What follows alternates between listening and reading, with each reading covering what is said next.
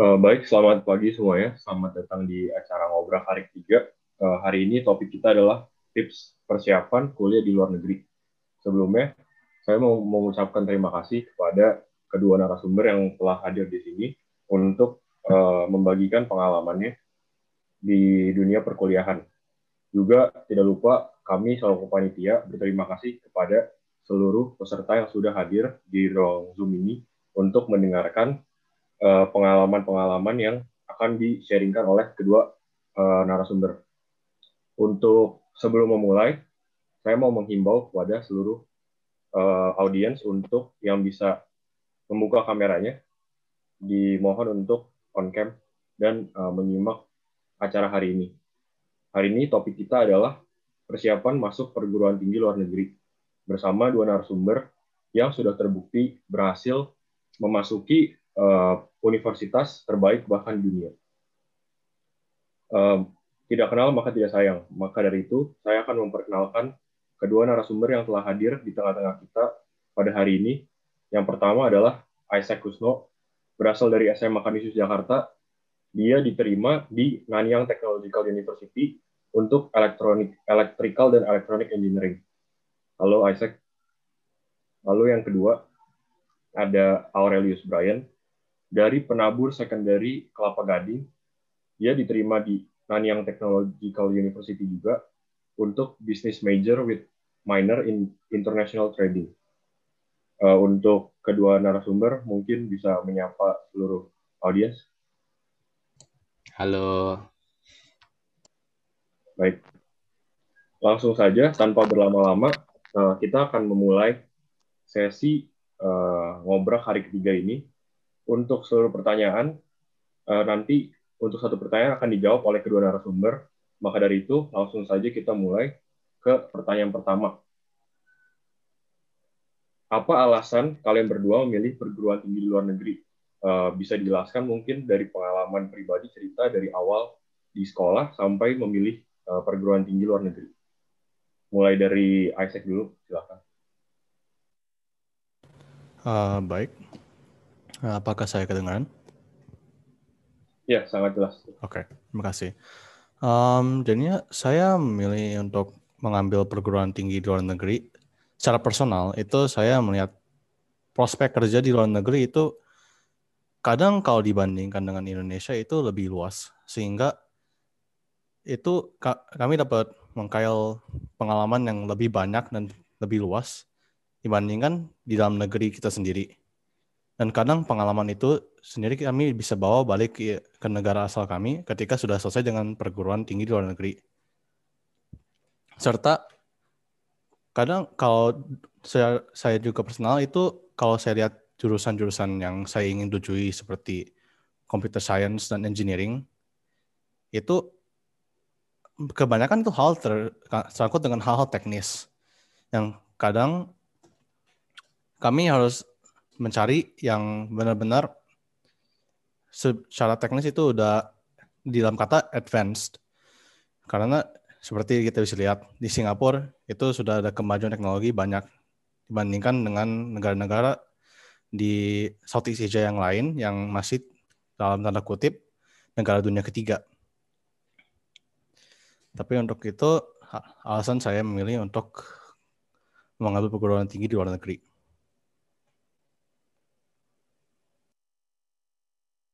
Uh, baik, terima kasih Isaac atas jawabannya. Mungkin dilanjutkan oleh jawaban dari Brian.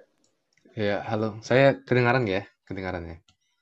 Oke, sip. Nah, jadi kalau untuk saya sendiri sih uh, mungkin tadi kata uh, kata moderator kita ya dari uh, pemikiran dulu dari pemikiran uh, dari sekolahnya itu gimana? Pertama-tama itu saya bukan dari Jakarta ya teman-teman.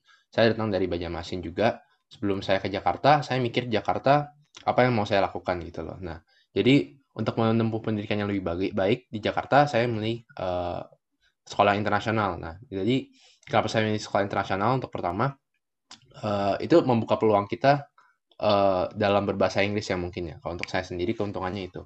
Nah, tapi nggak berarti juga teman-teman kalian uh, yang bers bersekolah tidak di sekolah internasional uh, di, uh, apa kesempatan untuk keluar negerinya itu berkurang tentu tidak. Nah, tapi Nah, setelah itu kenapa saya memilih uh, kuliah di luar negeri?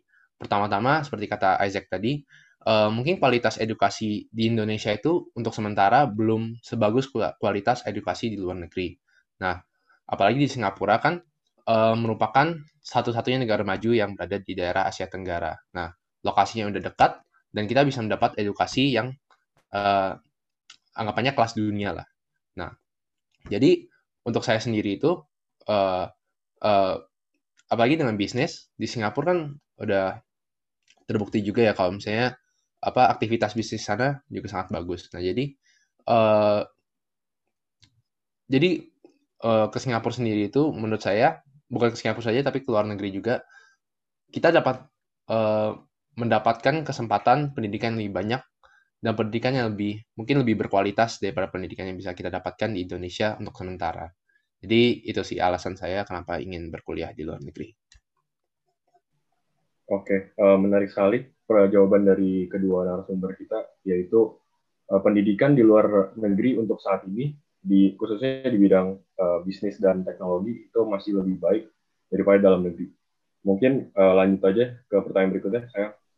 Baik, uh, pertanyaan berikutnya, mengapa uh, kalian memilih jurusan yang kalian pilih sekarang ini? Kayak apakah ada alasan spesifik atau menyukai dan lain sebagainya?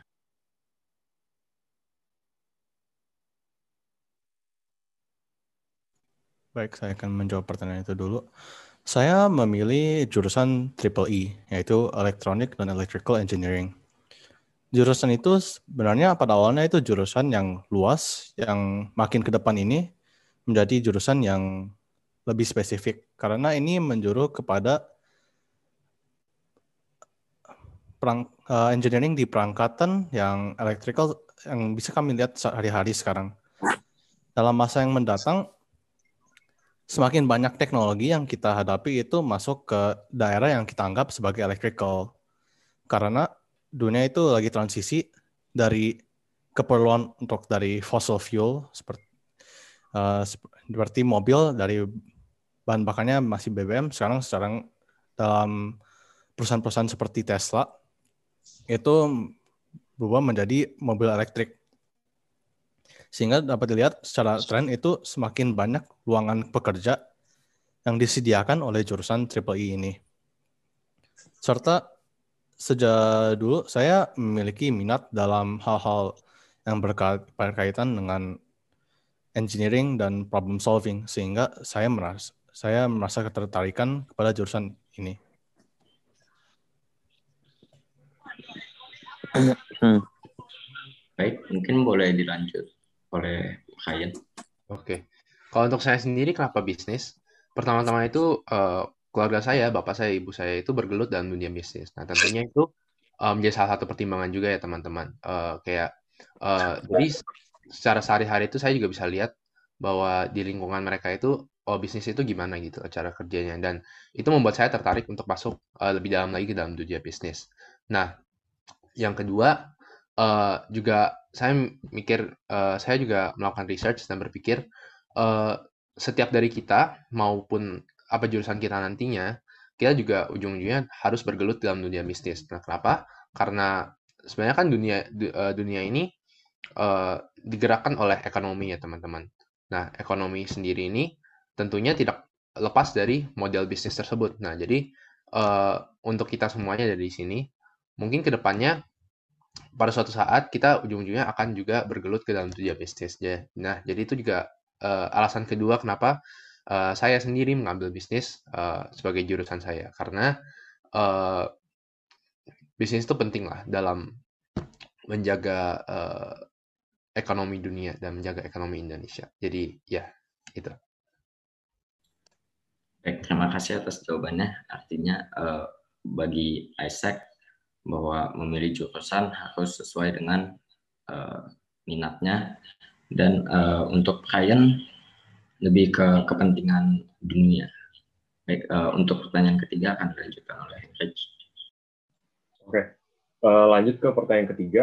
Nah, ini menarik karena apakah ada peran keluarga atau pergaulan dalam menentukan pilihan perguruan tinggi atau jurusan. Jadi apakah uh, kalian memilih Singapura itu atas kemauan sendiri atau adakah peran eksternal dari keluarga atau teman dan lain-lain?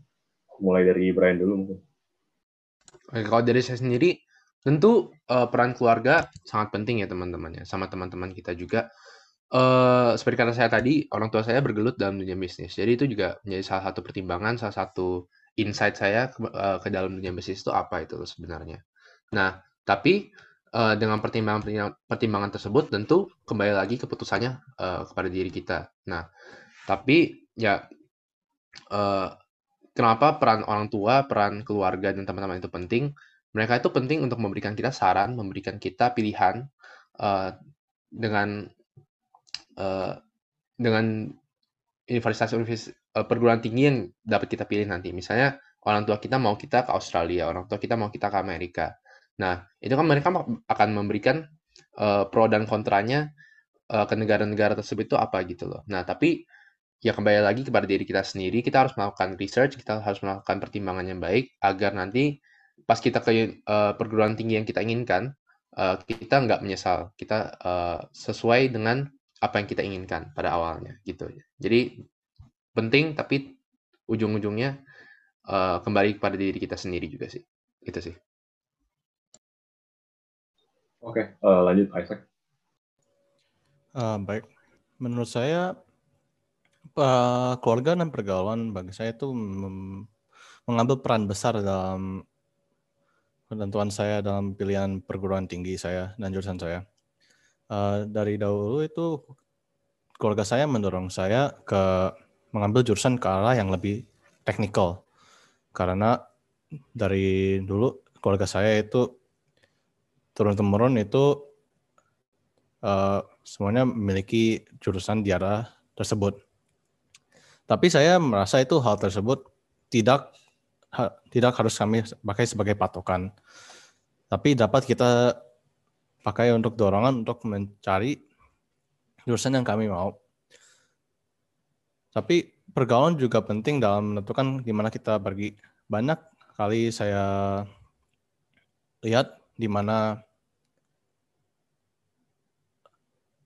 seseorang teman saya pergi ke luar negeri menurut apa yang dia kendaki oleh teman-temannya, keluarganya. Dan mereka ujung-ujungnya menyesal karena mereka mengambil sesuatu yang sebenarnya bukan pilihan mereka, tapi pilihan orang lain yang di yang diambil orang lain untuk mereka. Ya memang peran keluarga atau pergaulan itu penting dalam menentukan pilihan perguruan tinggi, tinggi kami. Namun kita tidak boleh pakai sebagai patokan utama. Yang tetap menjadi peran utama harus keputusan kami sendiri, uh, minat kami sendiri atas jurusan yang kami mau dan di mana kami pengen mengambilnya.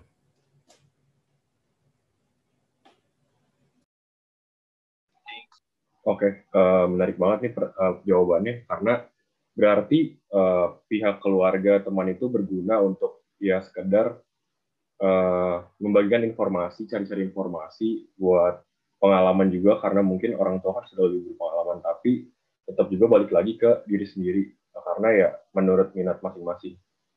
Uh, Oke, okay. bisa dilanjut.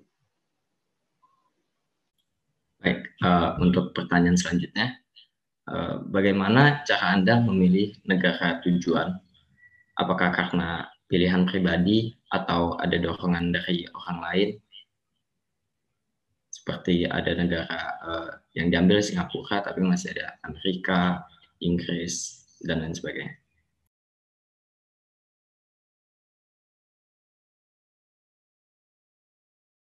Boleh uh, untuk kalian dijawab terlebih dahulu.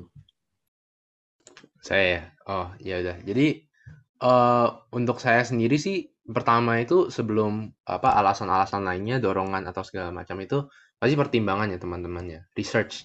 Nah, pertama itu uh, Singapura itu salah satu negara yang uh, saya research juga, tapi bukan Singapura aja, cuman uh, ada juga negara-negara lain seperti Australia, uh, Jepang, dan juga bahkan Indonesia sendiri. Nah, jadi uh, saya itu research Dan uh, pertama-tama, bentar, sorry, maaf. Pertama-tama untuk memilih negara tujuan kita itu kita harus research negaranya dulu. Negaranya itu bagus di bidang apa. Nah, seperti kalau Singapura sendiri, mereka bagus di bidang uh, di bidang tadi uh, kata Isaac di bidang teknologi dan juga di bidang bisnis. Nah, habis kita lihat negaranya, baru kita lihat universitasnya atau lihat perguruan tingginya. Apa uh, perguruan tinggi mereka uh, yang terbaik untuk jurusan saya mana sih gitu. Seperti di Singapura sendiri ada beberapa universitas yang ternama di dunia seperti NUS, uh, NTU, uh, NTU dan juga SMU. Nah, uh, contohnya seperti SMU sendiri mereka uh, fokus ke dalam bidang bisnis. Nah, kalau untuk NTU sendiri seperti kata uh, kata uh, Isaac tadi, mereka juga fokus ke dalam bidang engineering dan juga ada bisnisnya juga. Uh, dan juga NUS uh, mirip-mirip lah seperti NTU. Nah, sesudah itu setelah mempertimbangkan kualitas edukasi dan lingkungan yang uh, cocok buat kita, cocok buat jurusan kita, baru kita mempertimbangkan alasan lainnya seperti keamanan dan convenience. Nah, uh, tentunya meskipun kualitas edukasinya bagus, tentu uh, selama kita belajar pasti kita tidak mau merasa tidak nyaman. Nah, jadi itu juga salah satu alasan yang paling penting sih teman-teman ya. Uh, tapi di setiap negara pun pasti juga titik-titik di mana mereka tidak aman sih. Nah, oleh karena itu seperti uh, poin pertama tadi, ya research itu penting sih. Jadi research dulu baru lihat alasan-alasan lainnya yang mungkin dapat mempengaruhi keputusan kita pada akhirnya. Gitu.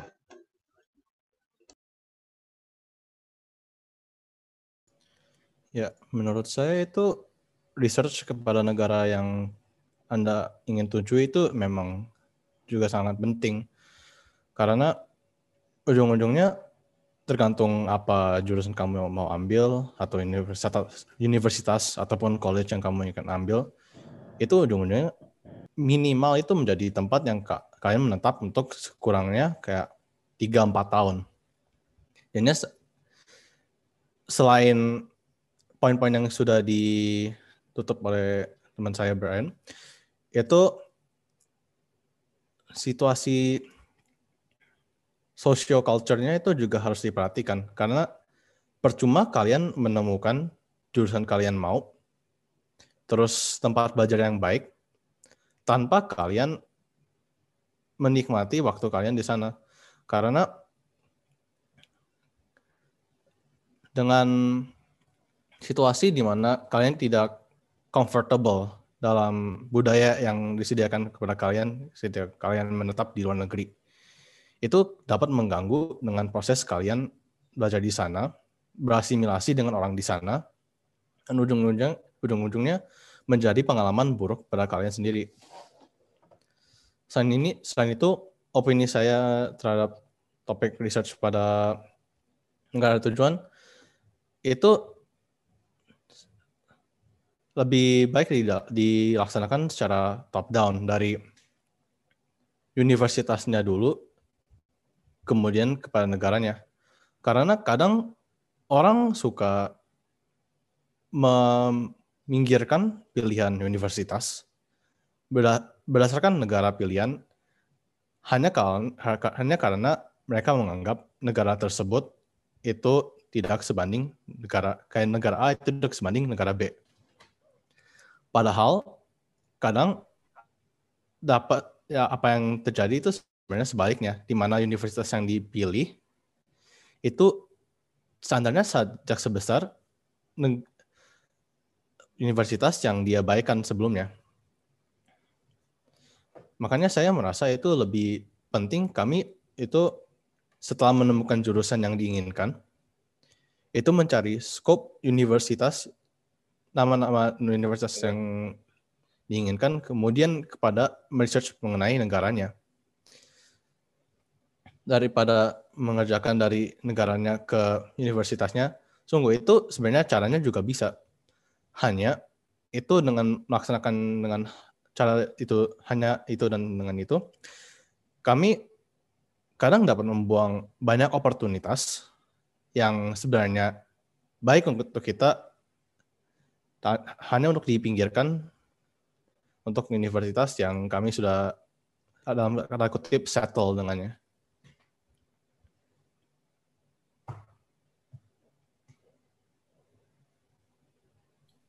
Baik, eh, terima kasih atas jawabannya. Uh, untuk pertanyaan selanjutnya akan disampaikan oleh Henry. Oke, okay. uh, tapi sebelum masuk ke pertanyaan berikutnya nih, uh, mungkin ada yang penasaran juga. Kalau misalkan uh, bukan Singapura atau bukan NTU, pilihan kedua kalian itu mau ke mana dan kenapa? Uh, mungkin dari Brian dulu. Kalau saya sendiri sih tentu pilihan kedua itu Australia. Karena kenapa? Australia juga terkenal dengan bisnisnya ya teman-teman. Mungkin bahkan di Australia bisnisnya lebih susah daripada di Singapura. Tapi uh, arti yang lebih susah di sini bukan berarti kualitasnya lebih bagus ya teman-teman. Nah terus uh, seperti yang saya bilang tadi dengan research-research yang sangat dalam, uh, Australia itu bagus ya lingkungannya. Yang pernah ke Australia pasti tahu lingkungan belajar mereka itu enak, terus kesempatannya juga banyak, koneksinya juga kita bisa dapat banyak koneksi di sana gitu loh. Nah, dan terutama komunitas orang Indonesia di sana sangat kuat. Nah, jadi itu sih negara pilihan kedua saya itu sebenarnya Australia. Gitu. Isaac, silahkan mungkin. Ya, ya mungkin dari Isaac. Ya, secara jujur, awalnya pilihan pertama saya itu Jepang. Namun unfortunately ya pilihan pertama saya itu saya tidak tidak lolos dalam pendaftaran saya di Jepang. Tadinya sebenarnya pilihan kedua saya Singapura. Tapi kalau di perspektif yang begini sebenarnya sekarang pilihan pertama saya memang Singapura. Terus pilihan kedua saya Hong Kong.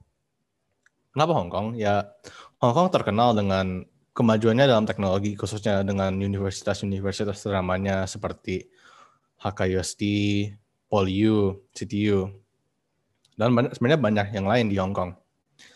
Hong Kong juga itu tidak sedikit ya orang Indonesia yang yang menetap di Hong Kong sehingga asimilasi dengan budayanya dan membentuk komunitas di Hong Kong itu tidak terlalu susah untuk kami sebagai orang Indonesia. Um, faktor tapi faktor terbesarnya menurut saya itu karena Hong Kong itu sebagai negara itu menjadi rising capital dalam perkembangan teknologi serta ekonomi. Memang itu sebelumnya Hong Kong dapat reputasi yang buruk karena uh, pemberontakan-pemberontakan yang terjadi dalam tahun-tahun terakhir. Namun kalau dilihat dari perkembangan yang dicapai melalui bagaimana Hong Kong masih berdiri dengan perkembangannya selama masa COVID sekarang itu menjadi pertimbangan yang cukup kuat bagi saya.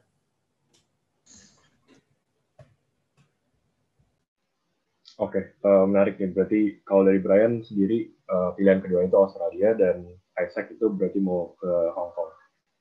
Uh, mungkin lanjut aja nih dari pertanyaan berikutnya berhubungan juga sama yang barusan dibilang sama Isaac Hmm, selain kalian berdua, apakah cukup banyak siswa Indonesia lain yang menuntut ilmu di Singapura?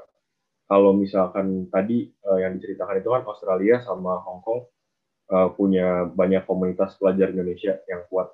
Nah, gimana kalau dengan Singapura? Mungkin dari Isaac. Um, menurut saya Singapura lumayan banyak sih. Um, peminatnya dari banyak siswa Indonesia yang menuntut ilmu di negara sana. Khususnya di NTU itu cukup banyak juga. Bahkan di NTU ada komunitas sendiri untuk anak Indonesia. Um, dari pengalaman pengalaman saya sendiri uh, mengunjung di Singapura dan dari cita-cita yang saya dapat dari kakak saya yang juga menuntut ilmu di Singapura, sebenarnya banyak ya banyak siswa Indonesia yang menuntut ilmu di sana.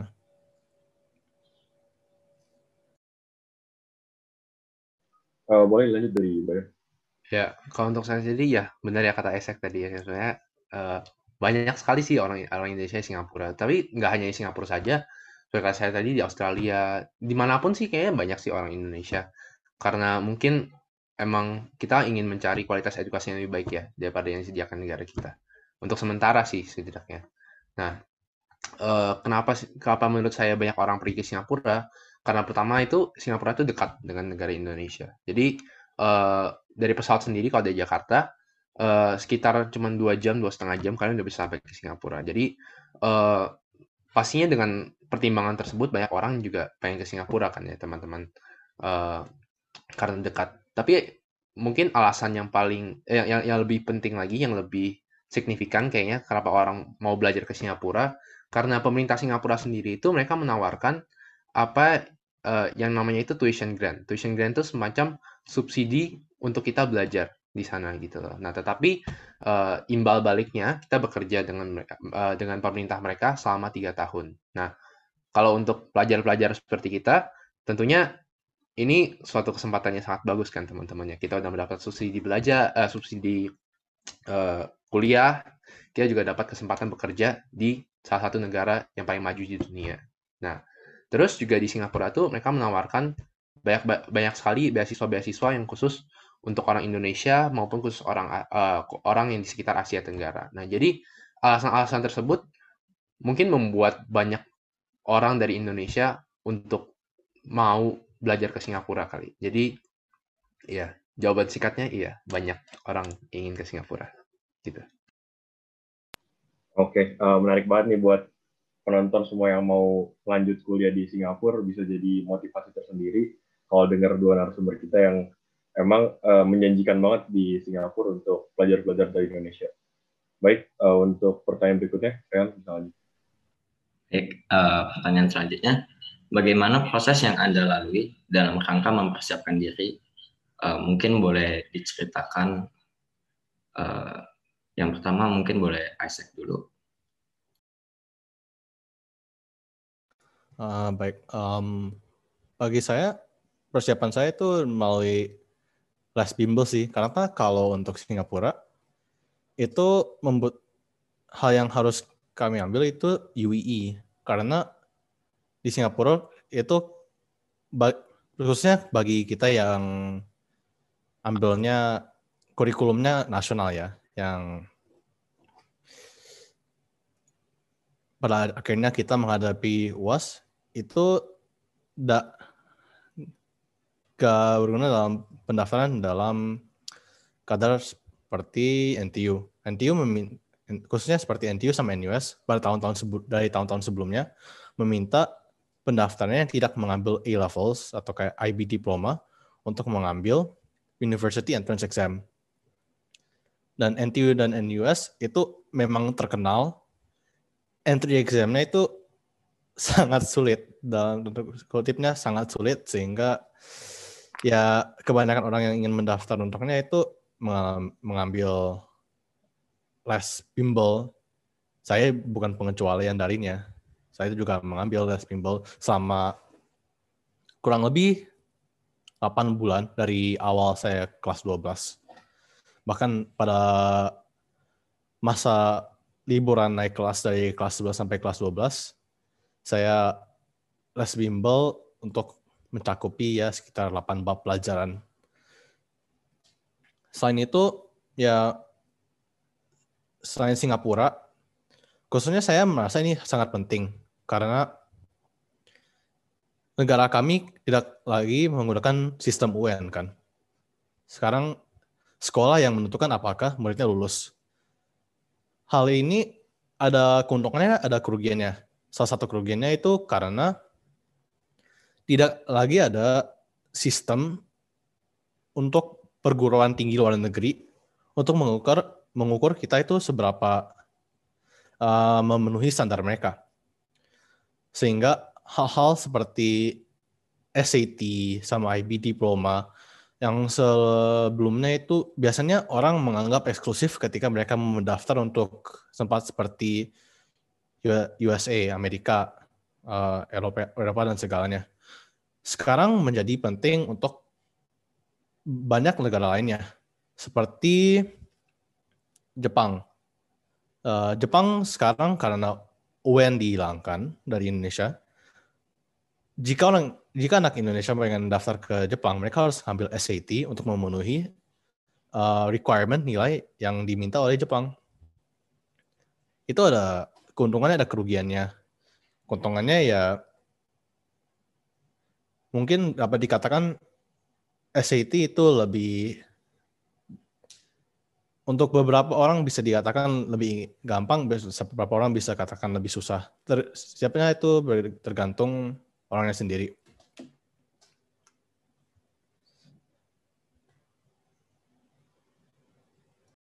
Boleh dilanjutkan oleh Fen.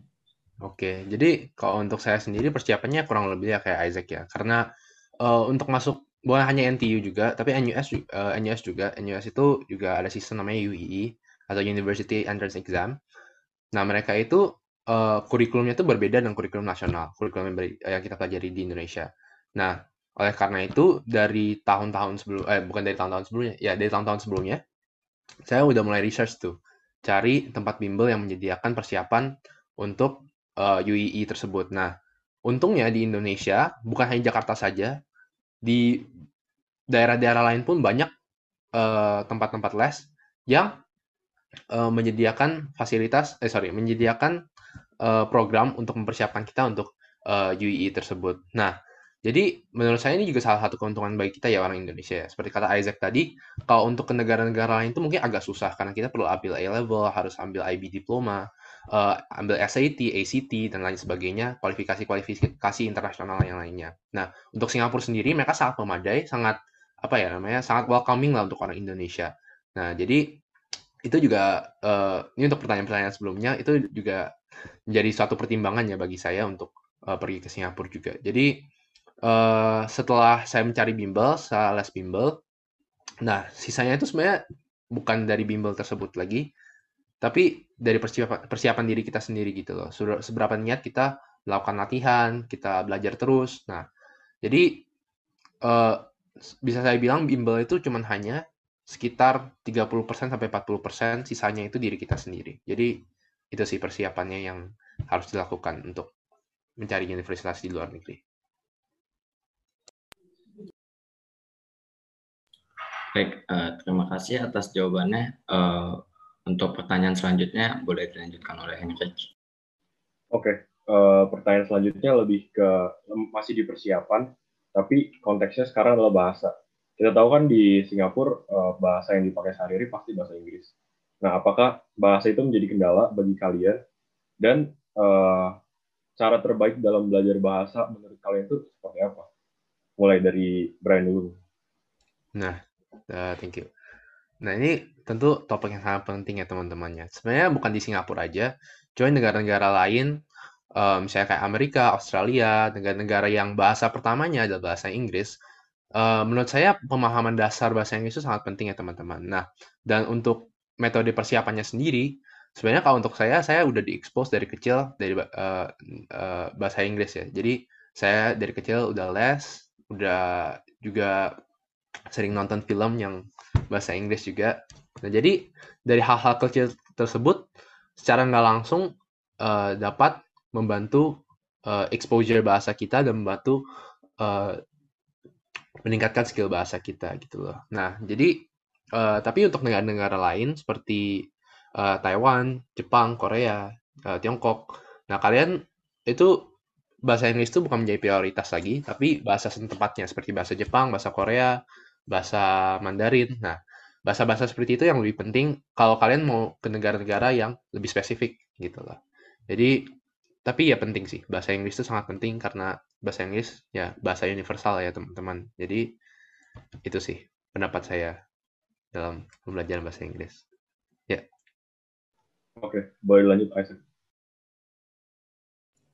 ya pasti bahasa Inggris itu penting sih kalau mau keluar negeri Singapura tertentu memang penting um, negara-negara seperti Jepang, Korea itu lebih memadai kepada jika kalian itu mempersiapkan bahasa setempat mereka dulu. Khususnya kayak Jepang dan Jerman. Jepang dan Jerman kalau kalian tidak bisa menunjukkan mereka kalian punya kalian dalam bahasa, mereka melalui sebuah degree tertentu seperti kalau Jepang itu kan N5 itu uh, degree bahasa Jepang yang lima.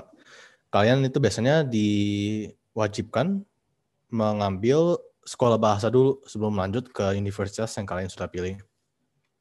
Tapi untuk uh, negara-negara ya negara-negara seperti Hong Kong, Hong Kong, Belanda, Singapura, Australia kan itu negara yang walaupun mereka kadang memiliki bahasa sendiri seperti Hokkien dan bahasa Belanda sendiri kan juga ada. Itu secara dasarnya mereka sehari-hari juga masih pakai bahasa Inggris. Saya untungnya dari kecil sudah dibiasakan menggunakan bahasa Inggris sehingga saya tidak terlalu kesusahan untuk berasimilasi di negara-negara tersebut. Namun menurut saya tidak dapat didorong secara menyeluruh bahwa hanya dengan bahasa Inggris itu mudah berasimilasi di negara tujuan. Bahkan di Singapura itu berbicara dengan warga setempat kadang uh, bagaimana saya bicarakannya? Ini mereka bicara dalam accent English, terus mereka suka campur dengan bahasa Hokkien kadang. Sehingga memang akan pada awalnya susah, tapi lama-kelamaan mau asimilasi, saya merasa itu dapat lebih mudah untuk berkomunikasi dengan warga setempat.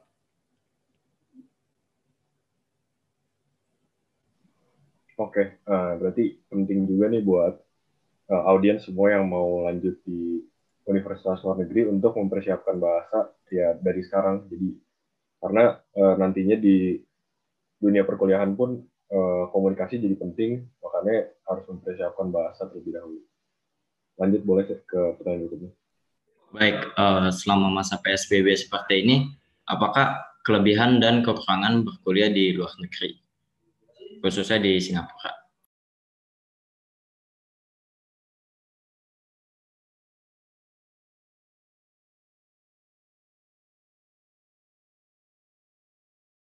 Siapa siapa dulu ini?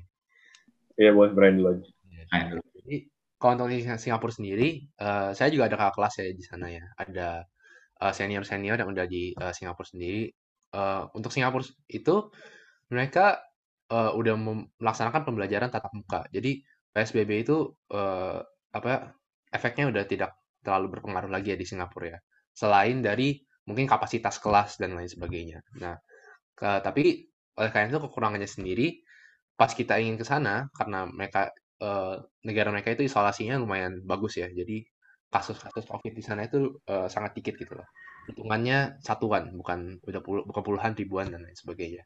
Nah, jadi ke sana itu kekurangannya kita butuh di karantina selama 14 hari.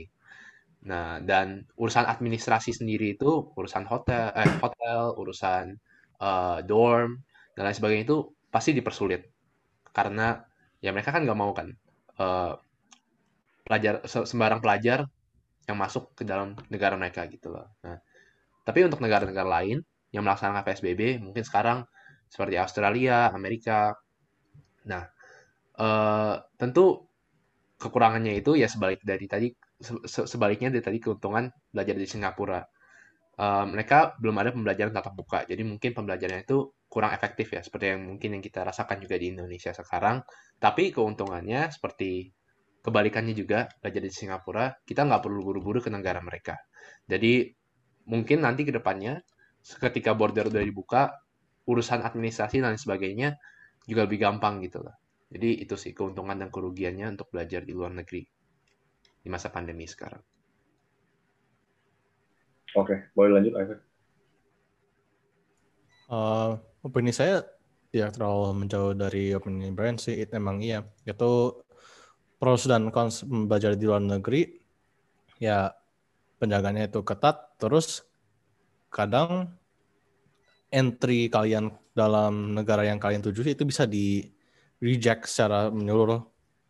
Pernah kejadian dengan teman saya di mana dia ingin dia lagi universitas di Singapura, mereka uh, pulang kamu ke Indonesia pada saat liburan, tapi karena COVID ketika mereka pengen balik, mereka di reject entry secara menyeluruh sehingga mereka harus belajar dari rumah. Tapi saya merasa pros dalam belajar di universitas yang negara luar, khususnya Singapura, ya memang uh, kebanyakan dari kelasnya sudah mulai tatap muka, muka lagi. Dan khususnya kepada kalian yang ingin mengambil jurusan yang banyak banyak uh, tersangkut dalam hal seperti research seperti saya kan mengambil triple E. Itu hal yang besar karena tan tanpa kita hadir dalam fisik kan menjalankan proyek itu susah cons yang lagi yang saya ingin capai ingin ingin ungkapkan itu mungkin ini tidak terlalu kepada COVID, tetapi kalian kalau ingin kuliah ke luar negeri itu memang kadang kalau dibandingkan kalau kuliah dalam di kuliah yang di dalam negeri itu emang pasti harganya lebih mahal. Sehingga jika tidak dapat scholarship itu kadang akan susah. Namun tidak jarang saya lihat itu murid dari Indonesia yang yang kuliah ke luar negeri itu mendapat scholarship. Ini itu saya merasa itu tidak perlu dikhawatirkan terlalu besar sebuah cons ini dapat dilihat sebagai con tapi tidak terlalu berpengaruh itu ketika kalian mengambil seperti yang dikatakan ke Brian sebelumnya tuition grant di Singapura yaitu subsidi dari pemerintah kepada kalian ketika belajar di Singapura. Itu kalian wajib bekerja sama tiga tahun di negara mereka uh, di dalam perusahaan yang disaksikan dalam Singapura sehingga kalian memiliki ikatan kerja. Tapi itu menurut orangnya juga itu kalian dapat melihat itu sebagai con ataupun pro berdasarkan apa yang mereka apa yang kalian persepsikannya.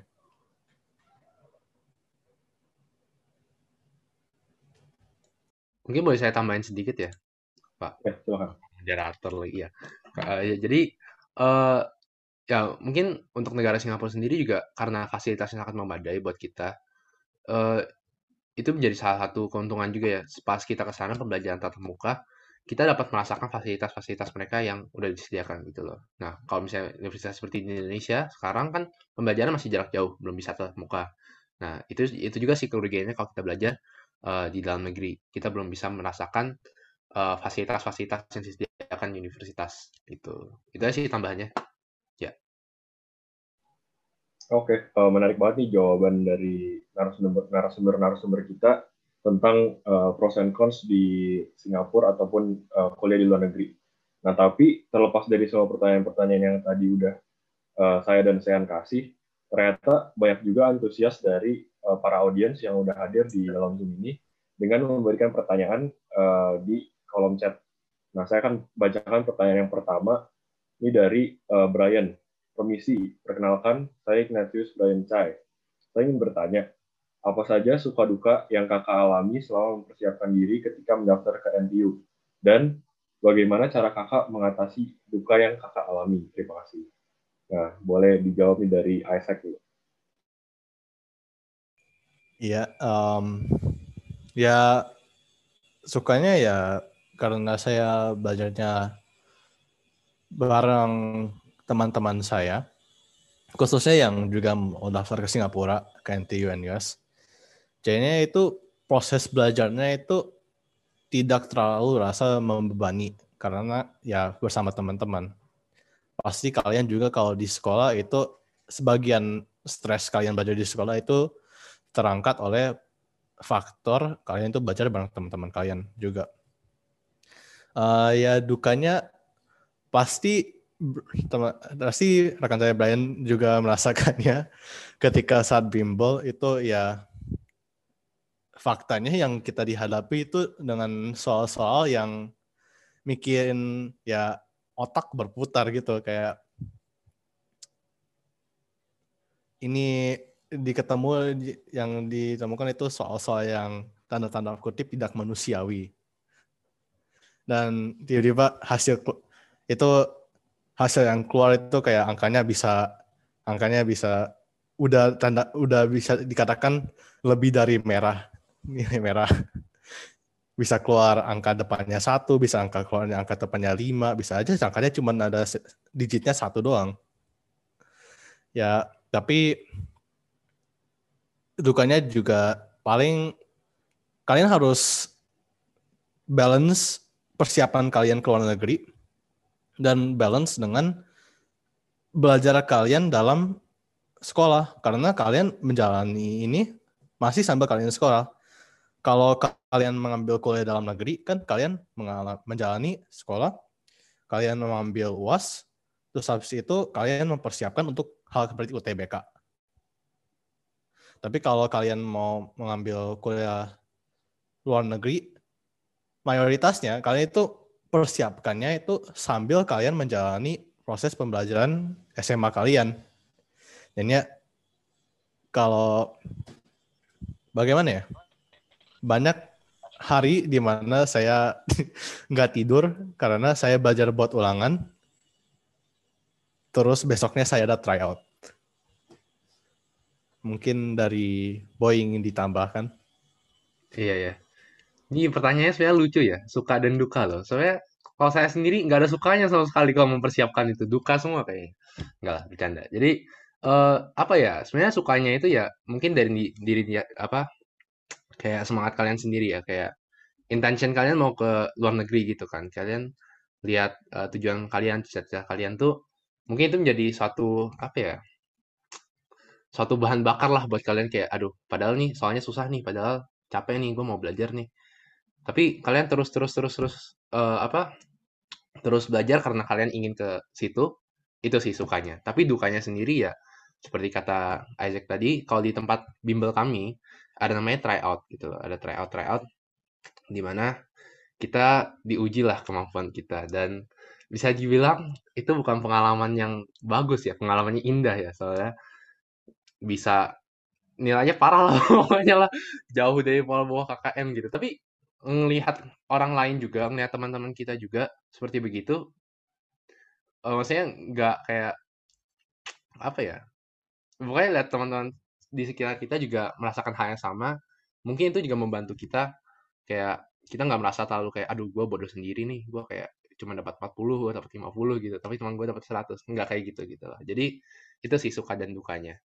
Tapi overall oke okay lah, suka lah sih, gitu uh, apa boleh saya tambahkan? Itu untuk cara mengatasi dukanya ya ya seperti katakan boy itu dari motivasi kalian sendiri. Kayak ya udah kalian dapat segini. Bagaimana kalian akan bangun di atas nilai tersebut untuk mendapat yang lebih bagus?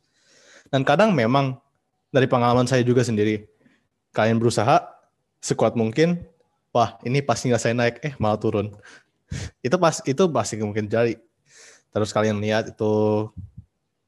Pokoknya apa yang saya bisa juga katakan itu memang itu kalau kalian jalani seperti hal seperti tryout boleh kalian jadi sebagai patokan.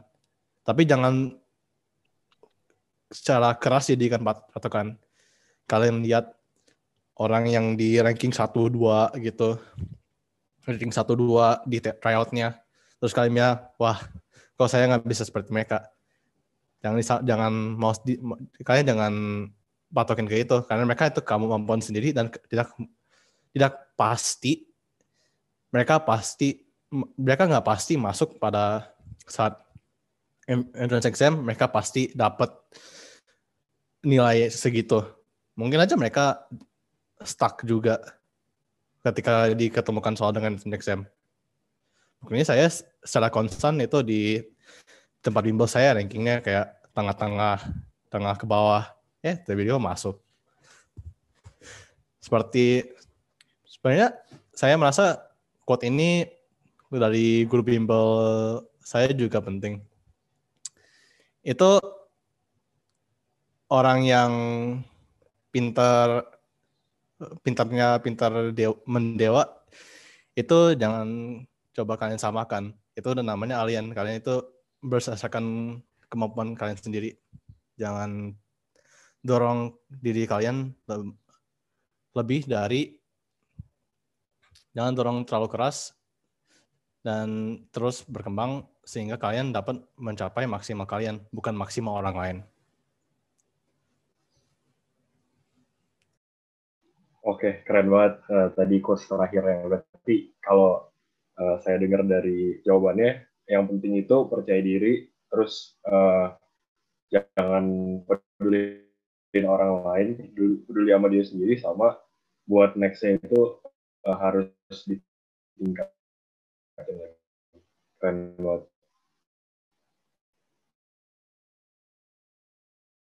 Pertanyaan berikutnya dari Theo Regivan mendukung student atlet? Jika iya, seperti apa sistem pendidikan yang digunakan bagi student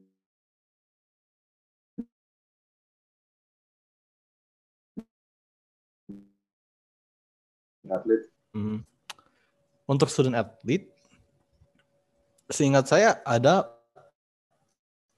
bagian yang masuk ke pertimbangan. Tapi itu lebih ke arah tingkat yang nasional internasional.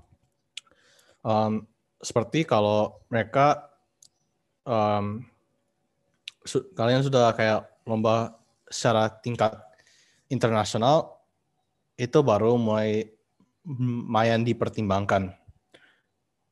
Tapi setahu saya student athlete itu tetap masih harus mengambil UII sepan, sejauh peng, pengetahuan saya, saya tidak terlalu banyak pengetahuan pada hal yang mengenai student athlete karena saya tidak mendaftar khususnya pada area tersebut. Sehingga jika kalian ingin mengetahui lebih dalam lagi, mungkin Boy bisa tambah ataupun kalian bisa lihat di website NTU sendiri karena itu sudah lengkap juga informasinya. Mungkin saya, saya tambahinnya. Bro Isaac, biasa. Thank you. Nah, jadi uh, mungkin yang ditanya di sini juga mungkin pas sebelum pendaftaran dan setelah pendaftaran ya teman-teman. Untuk sebelum pendaftaran sendiri benar kata uh, si kata kata Isaac tadi, kalau misalnya emang uh, untuk pencapaian sports yang mereka akui itu ada pencapaian tingkat nasional dan internasional. Nah, tapi setelah dan kata seperti kata Isaac tadi, dia juga tetap butuh ikut UII. Tapi setelah itu setelah kita udah masuk ke dalam NTU sendiri, sebenarnya NTU itu mendukung sekali uh, student at least punya life ya. Cuman uh, jadi ada namanya uh, namanya University Singapore Olympics. Nah, jadi setiap tahun itu mereka ada kayak Olympics sendiri, mereka uh, pertandingkan sekitar 20-30 cabang olahraga yang seperti kayak Olympics lah untuk universitas sendiri. Nah, tapi Terus ada pertanyaan lanjutan sebenarnya sistem pendidikan yang digunakan bagi student athletes. Nah, sistem pendidikan sendiri itu tetap sama seperti sistem pendidikan orang yang nggak ambil student athletes pun. Jadi kalau mau jadi student athletes di NTU sendiri kan juga harus tetap balance di antara sekolah apa nggak sekolah gitu loh. Jadi nggak ada nggak ada program khusus sendiri. Oh student athletes kalian sekolah lebih dikit gitu nggak ada. Gitu sih kayaknya. Tapi dalam segi dukungan ya, Singapura sendiri aja lingkungan Singapura itu sangat mendukung kok untuk student athlete yang ingin mungkin menjadi profesional dalam olahraga gitu.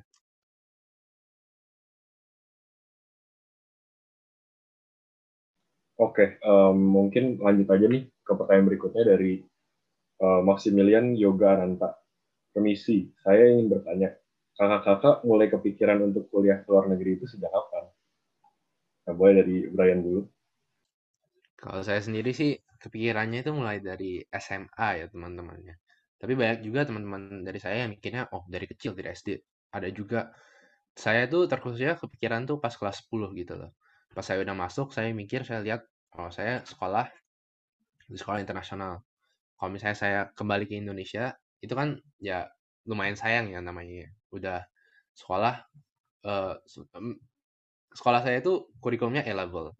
Jadi sebenarnya emang tujuannya itu mau keluar negeri gitu, tapi belum tahu keluar negeri itu kapan, uh, ke ke mana gitu. Nah tapi dari SMA sih kayaknya sih ada ada udah pemikiran udah ada mindset kayaknya mau keluar keluar apa mau sekolah keluar negeri. Tapi jangan ini juga ya teman-teman, jangan jadi patokan oh gue baru baru barusan aja nih mau keluar negeri nih, kayaknya nggak bisa deh gitu deh. Kayaknya terlalu terlambat deh. Sebenarnya nggak ada kata terlambat sih teman-teman.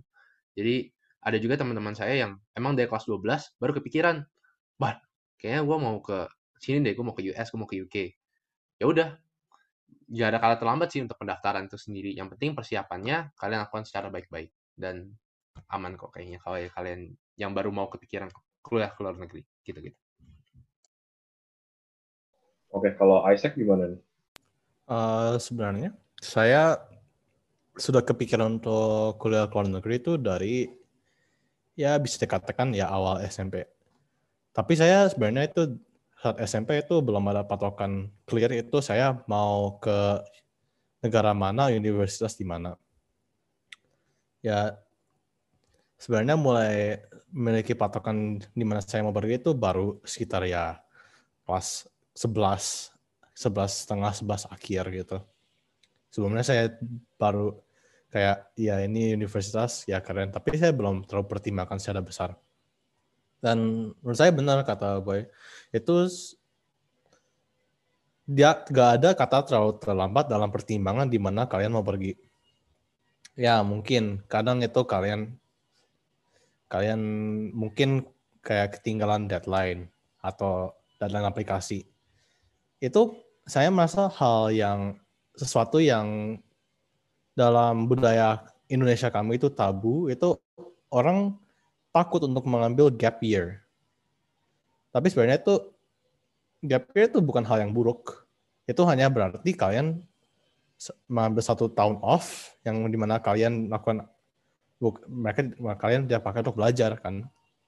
Tapi kalian juga bisa pakai untuk bekerja, bisa pakai untuk mengkail pengalaman kerja, bisa pakai untuk mempersiapkan untuk pendaftaran kalian ke luar negeri, jadi sebenarnya itu telat, telat untuk pendaftar, telat mengkonsidera, mengkonsiderasi perkuliahan ke luar negeri itu gak ada. Jadi kayak bagi terutama bagi kalian yang teman ada di yang ingin daftar ke tempat seperti Jepang. Mungkin kalian udah mau masuk kelas 12, terus kalian mau belum mempersiapkan SAT untuk pendaftaran ke Jepang. Itu sebenarnya nggak apa-apa. Kalian masih ada kesempatan tahun ke berikutnya. Cuman hal cuman yang perlu dipertimbangkan ini kalian itu benar-benar mau ke sana atau tidak. Karena saya sering melihat orang itu melihat sebuah deadline terus mereka ngerush. Mereka terburu-buru, mereka belum pertimbangkan secara mat secara matang kalau mereka ingin kuliah ke luar negeri ke negara tertentu atau tidak dan mereka ambil. Kemudian mereka memiliki penyesalan. Makanya saya anjurkan secara sepenuhnya ke proses kepikiran untuk keluar kuliah ke luar negeri itu ya hanya kayak begitu sekejap terus kalian kayak oh ya saya pengen ke luar negeri. Kalian saya anjurkan kalian pertimbangkan secara mendalam dulu dan di mana kalian mereka kalian akan pergi dan jangan takut akan kayak batasan waktu. Baik, uh, untuk pertanyaan selanjutnya dari Neil Alexander Sumardiman Selamat siang, sahabat Ngobrak. Saya ingin bertanya, apa saja yang harus disiapkan untuk mendapatkan scholarship atau beasiswa di sana dan kutip Singapura?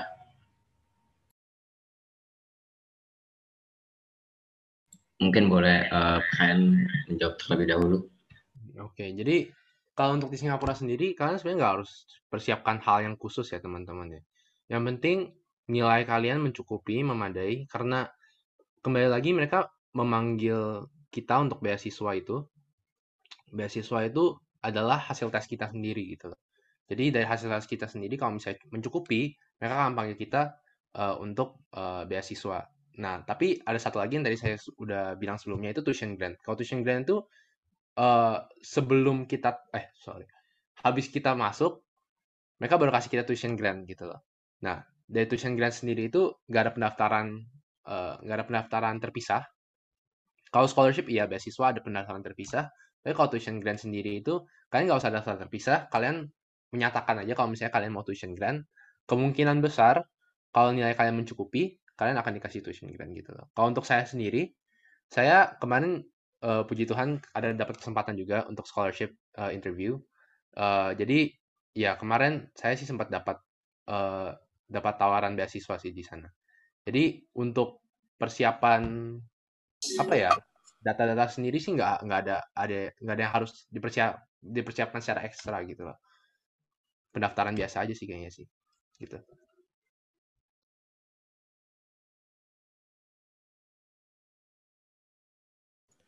Uh, baik, um, paling dapat saya tambahkan kepada yang dikatakan Boy tadi itu, ya memang itu scholarship khususnya yang di Singapura dan lebih khususnya lagi buat seperti NTU sama UNIUS itu mereka melihat hasil tes kalian. Kemudian berdasarkan hasil tes kalian mereka untuk scholarship mereka akan panggil kalian untuk interview.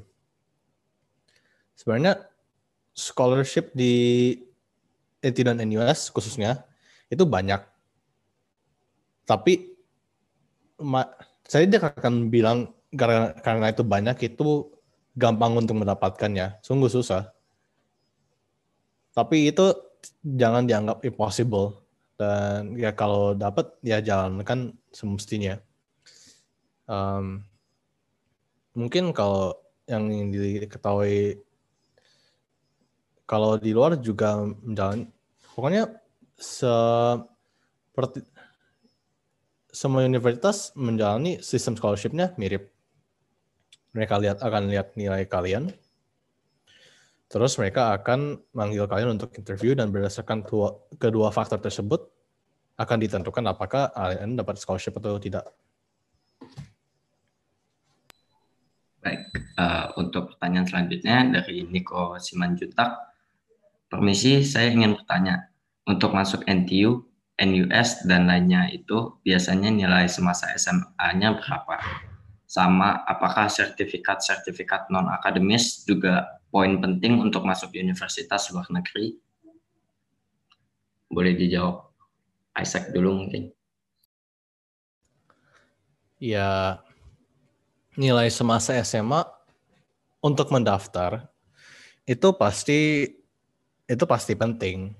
Pada akhirnya mereka juga memakai itu sebagai patokan apakah kalian di shortlist atau tidak. Kemudian untuk sertifikat-sertifikat non akademis dan lain juga poin. Um,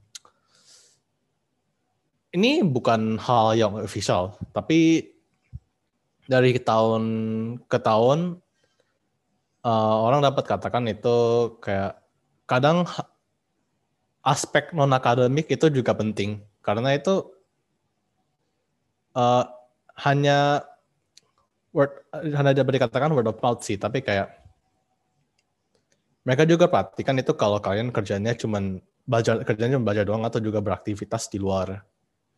Itu juga dapat menjadi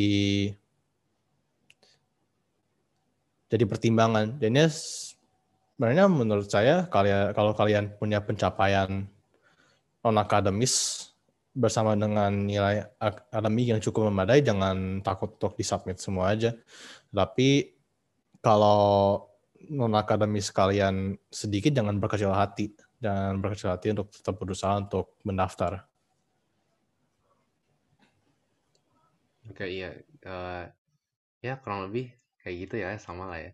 Uh, untuk NTU nya sendiri mereka sebenarnya nggak ada tulis sih secara tersurat di website mereka. Kayak oh thresholdnya segini. Uh, nilai kamu harus segini untuk masuk ke uh, untuk di shortlist buat tes gitu loh nah tapi ada orang bilang kalau NTU itu sekitar 85 NUS itu sekitar 89 seperti itu itu ya menjadi patokan orang-orang lah mereka lihat oh ini mereka mereka sebenarnya lihat dari apa dari pengalaman-pengalaman sebelumnya orang yang dapat nilai 89 kemungkinan besar lebih masuk ya, bisa masuk gitu loh ke dalam uh, universitas tersebut. Nah, untuk non akademis ini sebenarnya non akademis itu penting bukan untuk masuk ke dalam universitas universitasnya sendiri.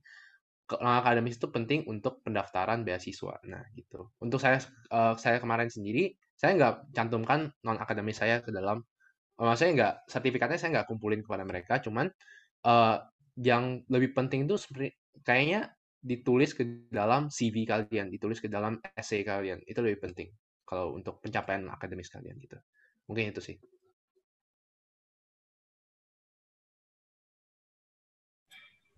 Baik, uh, untuk pertanyaan selanjutnya akan dilanjutkan oleh Henrich. Oke. Um, pertanyaan selanjutnya ada dari Parama di Wangsa Satria. Selamat siang, saya ingin bertanya, berapa lama kisaran waktu yang diperlukan untuk mempersiapkan untuk mengikuti UI? Di mana bimbel yang kalian ikuti? Uh, mulai dari Brian dulu. Uh, Oke, okay, thank you. Uh, jadi selamat siang juga. Uh, persiapannya itu mungkin untuk mencari universitas eh mencari universitas lagi mencari tempat les itu sekitar satu bulan ya research research juga yang mana yang cocok. Terus untuk persiapan sendiri seperti kata Isaac dari sekitar bulan Juni Juli tahun lalu dari liburan eh, sampai bulan Februari sekitar sebelum tes gitu loh. Mereka ada siapin kita dengan materi tryout dan lain sebagainya. Dan uh, untuk bimbel yang kita ikuti saya sama Isaac itu namanya Tifin di Kelapa Gading lokasinya. Gitu deh. Um, ya seperti yang, di, yang dikatakan bahwa itu sebenarnya persiapannya itu enggak seharusnya sebenarnya itu tidak dipatokan ke Juni Juli awal langsung les gitu. Sebenarnya ya kalau kalian mulai setelah liburan atau pertengahan kalian kelas 12 itu masih bisa. Hanya harus diingatkan bahwa kalau kalian mulainya itu lebih terlambat daripada yang lain, kalian harus memang catch up sama materi yang sudah diajarkan sebelumnya. Um, saya merasa uh, karena kayak untuk mencari tempat les itu sebenarnya gak terlalu susah. Saya merasa itu pada akhirnya mencari tempat les itu salah satu, satu faktornya itu reputasi tempat lesnya tersebut. Kemudian dua area yang kalian kalian tinggal. Seperti kayak kalau saya memang ya mungkin kalau saya tinggal di, di Jakarta Barat dan bukan Jakarta Timur saya akan ambil Waledaya tapi kan saya saya hidupnya dekat Kelapa Gading saya, saya ambil Tivin um, bukan berarti itu bimbel itu wajib jika ingin keterima di untuk lulus UI. Hanya sangat dianjurkan. Karena jujur itu banyak materi yang saya rasa itu susah untuk dipelajari sendiri.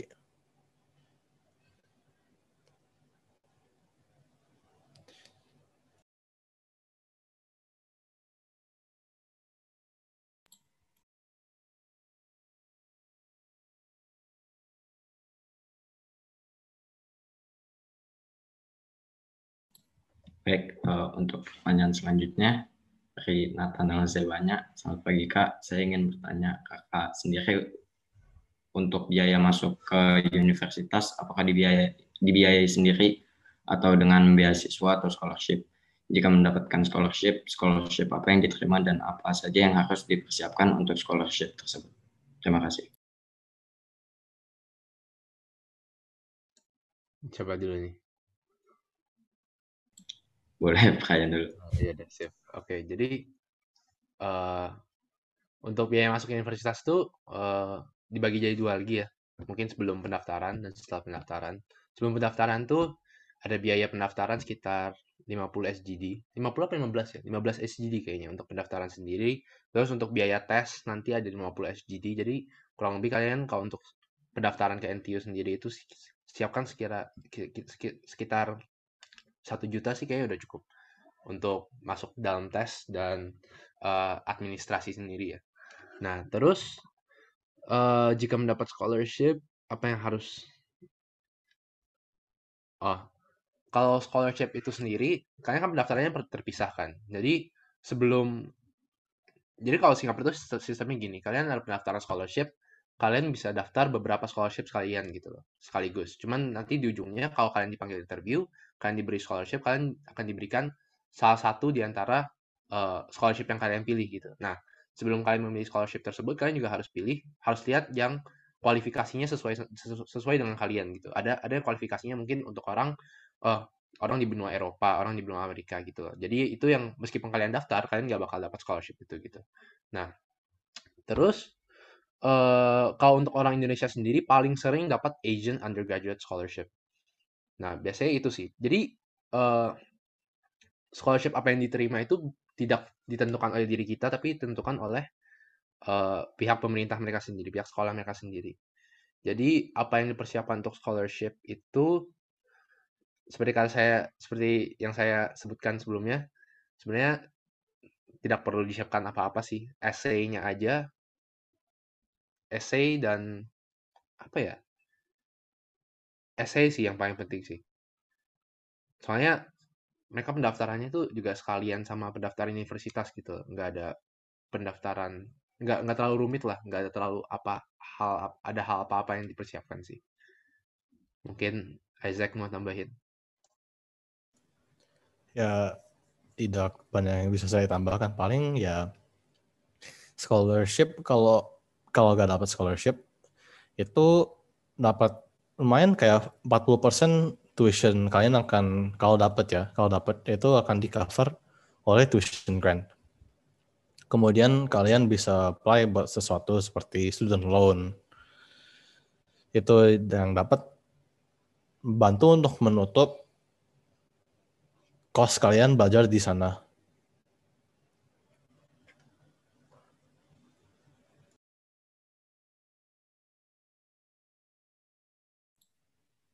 Baik, uh, selanjutnya pertanyaannya dari Matthew Kevin akan disampaikan oleh Henry. Oke, uh, lanjut dari Matthew Kevin ada dua pertanyaan nih. Uh, selamat siang sahabat ngobrak, saya ingin bertanya. Yang pertama, apakah benar bahwa nilai UII adalah satu-satunya penentu dari masuk ke universitas hingga mendapatkan scholarship di NTU atau NUS? Yang kedua, menurut kalian, bagaimana perbedaan NUS dan NTU sehingga kalian memilih NTU untuk melanjutkan studi? Terima kasih. Uh, boleh dari Brian dulu. Ya, kalau saya sendiri ya, Mungkin pertanyaan pertama dulu, apakah benar UI? Ya, benar, benar sekali teman-teman. Jadi makanya seperti kata Isaac tadi di tempat les itu uh, jujur aja kita bukan manusia yang paling pintar tempat les ya. Kita juga banyak ya banyak nilai-nilai yang kurang memuaskan lah. Nah, jadi sebelum pendaftaran itu, sebelum pendaftaran, sebelum tes itu memang uh, tendensinya itu orang yang nilai lebih tinggi itu akan lebih likely untuk dipanggil tes gitu loh. Tapi setelah dipanggil tes, dalam tesnya itu sendiri kalian semua levelnya sama. Jadi nggak ada yang lebih pintar, nggak ada yang lebih bodoh. Pokoknya siapa yang kerjain tesnya paling bagus, itulah penentu kalian untuk masuk UI. Nah, eh sorry, untuk masuk universitas tersebut, untuk lulus UI. Nah, setelah itu, untuk dapat scholarship tersebut, UI kalian harus di atas rata-rata. Nah, rata-rata ini nggak nggak di, nggak dibilang juga secara eksklusif uh, oleh uh, panitia-panitia di NTU gitu loh. Nggak, nggak dibilang secara tersurat lah. Jadi setelah kalian dapatnya UI dasar rata, baru kalian bisa dipanggil untuk interview scholarship. Nah, terus untuk pertanyaan kedua, mengapa memilih NTU? Nah, jadi saya kalau saya sendiri punya senior, dua-duanya ada di NUS juga ada, di NTU juga ada. Nah, setelah mendengar dari testimoni, testimoni mereka, setelah, meneng, setelah melakukan research juga, kayaknya NTU itu menawarkan apa ya lingkungan belajar yang lebih imersif lingkungan belajar yang lebih istilahnya tidak terlalu terpatok secara akademis gitu lah jadi mereka juga fokus secara akademis dan non akademis juga gitu loh. Ini bukan berarti NUS nggak bagus ya. NUS juga ada bagusnya sendiri, tapi mungkin untuk saya sendiri lingkungan yang ditawarkan NTU itu lebih cocok sama saya gitu. Oke Isaac, boleh. Silakan. Baik. Um, iya emang UI itu menjadi penentu masuk universitas sehingga scholarship segala. Seperti yang dikatakan Boy tadi itu rat itu kalian dibasiskan berdasarkan rata-rata nilai secara menyeluruh. Dan nilai tersebut itu dari tahun ke tahun tidak pernah didisclose. Sehingga ya memang kalian harus menunggu sampai hasil baru tahu itu kalian dapatnya bagaimana. Uh, sesuatu lagi yang saya ingin highlight itu yang seperti dikatakan Boy ya memang tadi saya bilang itu setelah kalian itu kalian mengambil tes itu perbandingan kalian dengan teman-teman kalian di tempat les, tempat les lain, bimbel, nilai apa pun yang segala kalian mencapai, itu di hadapan tes itu tidak akan kenal apa. Itu benar-benar cuman kamu, teman-teman kalian menghadapi tes yang sama. Nah, nilai-nilai terakhir itu yang penting.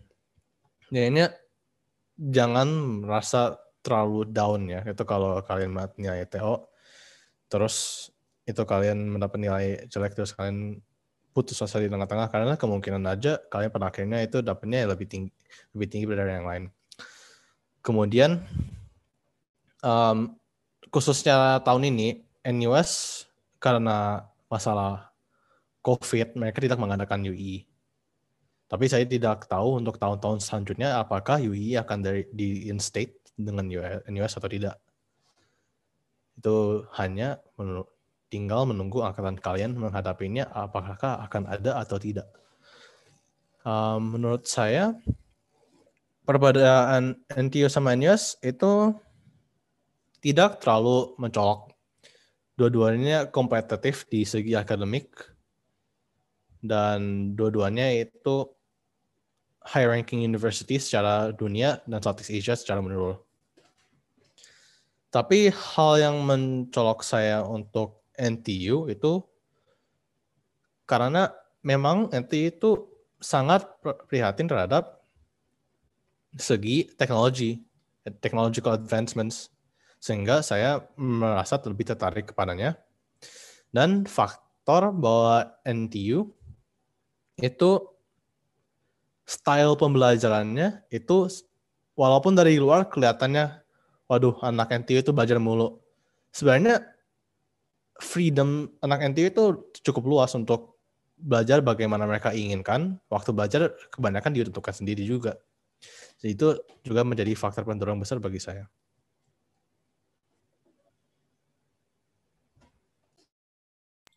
Baik, uh, untuk pertanyaan selanjutnya atau mungkin yang terakhir uh, dari Samuel Yudhistira Susanto Selamat pagi, saya ingin bertanya, apa rencana kalian setelah lulus kuliah di luar negeri?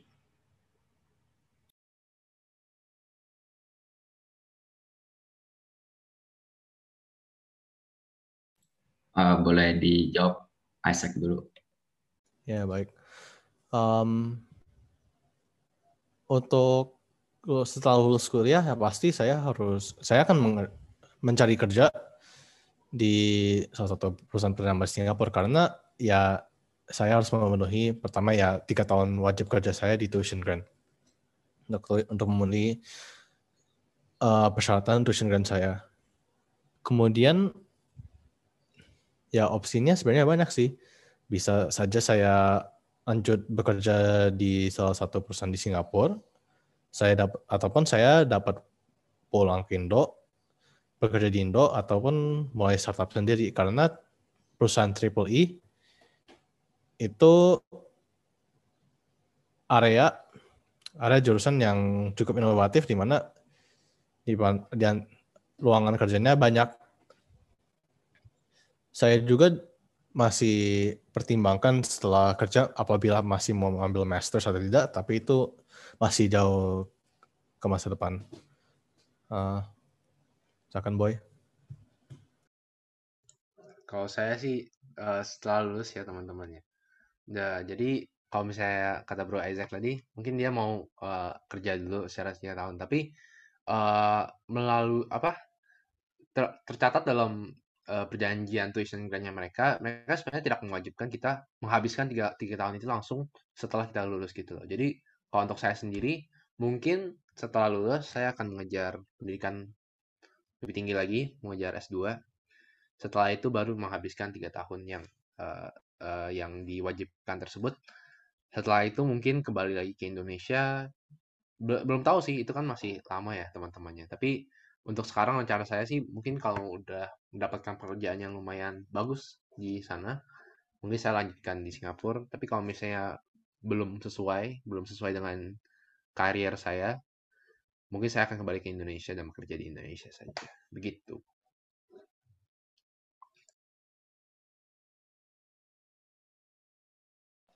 Uh, Oke, okay, menarik sekali jawaban dari narasumber-narasumber kita.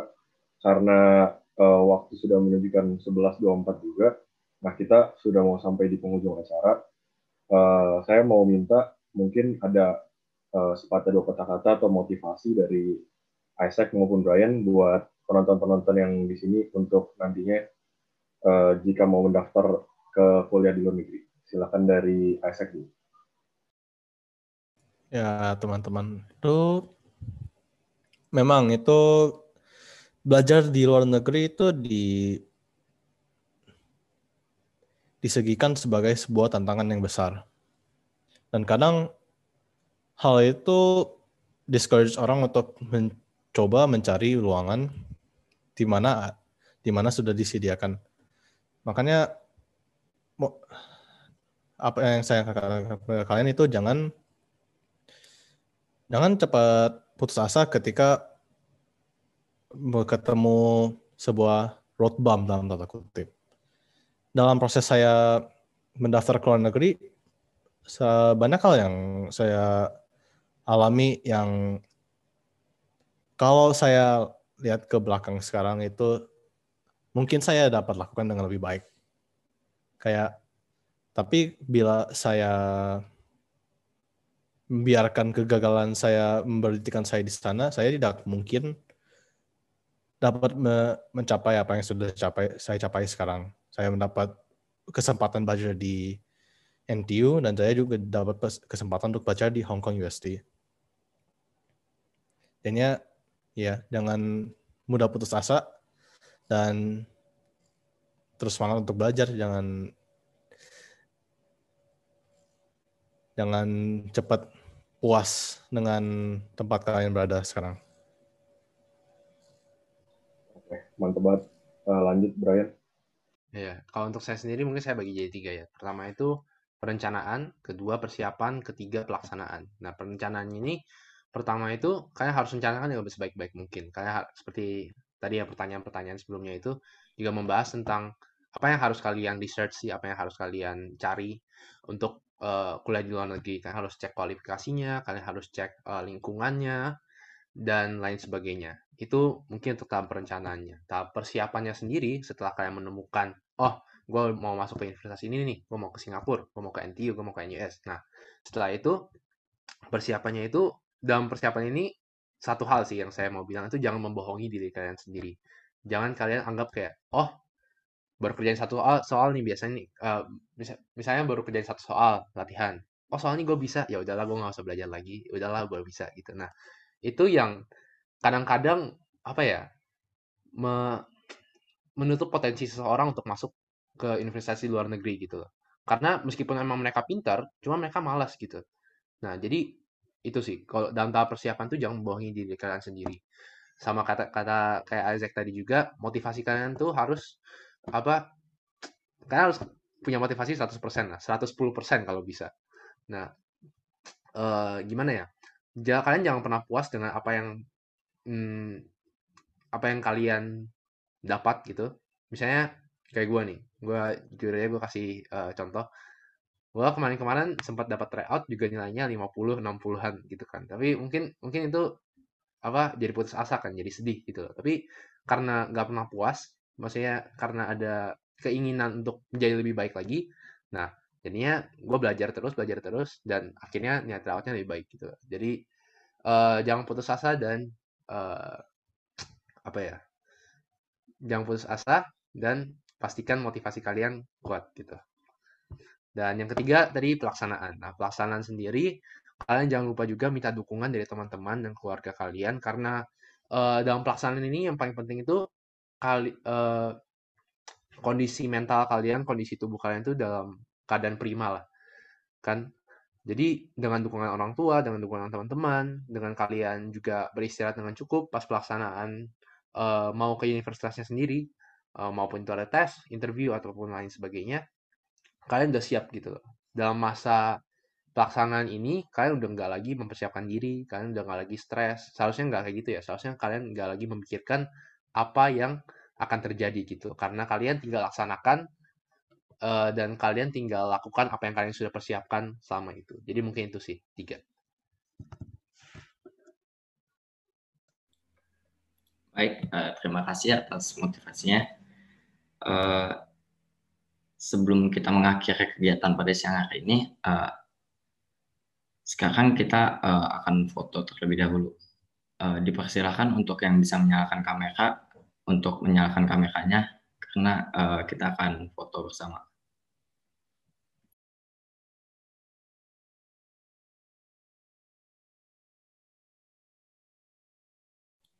Aba-aba akan dipimpin oleh Michael. Teman-teman, aba-aba di saya ya. Satu, dua, tiga.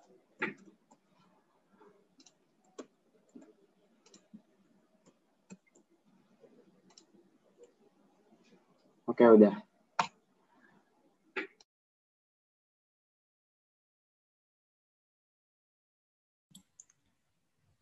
Baik, uh, selanjutnya uh, sebelum kita akhiri kegiatan ini, kita akan berdoa terlebih dahulu. Doa akan dipimpin oleh rekan saya Henry. Uh, baik, semuanya. Sebelum mengakhiri acara ini, ada baiknya kita menutup dengan doa. Doa akan saya pimpin secara Katolik. Bagi yang punya kepercayaan lain, dipersilakan untuk berdoa menurut kepercayaan masing-masing. Dalam nama Bapa dan Putra dan Kudus. Ya Bapak yang Maha Baik, terima kasih atas berkatmu yang telah Engkau berikan sehingga kami semua dapat berkumpul di ruang virtual ini. Ya Bapak, terima kasih atas berkat yang kau berikan juga sehingga uh, kedua narasumber kami dapat hadir di tengah-tengah kami semua untuk membagikan pengalaman yang sangat informatif kepada kami semua. Berkatilah agar kami semua yang ada di sini dapat mempersiapkan diri dengan baik untuk seluruh masa depan yang akan kami hadapi dan juga nanti hasilnya dapat membanggakan bagi kita dan orang-orang di sekitar kita. Terima kasih ya Bapak. Setelah ini berkatilah semua kegiatan yang akan kami lakukan. Semoga semuanya menurut kehendakmu. Terima kasih Bapak. Amin.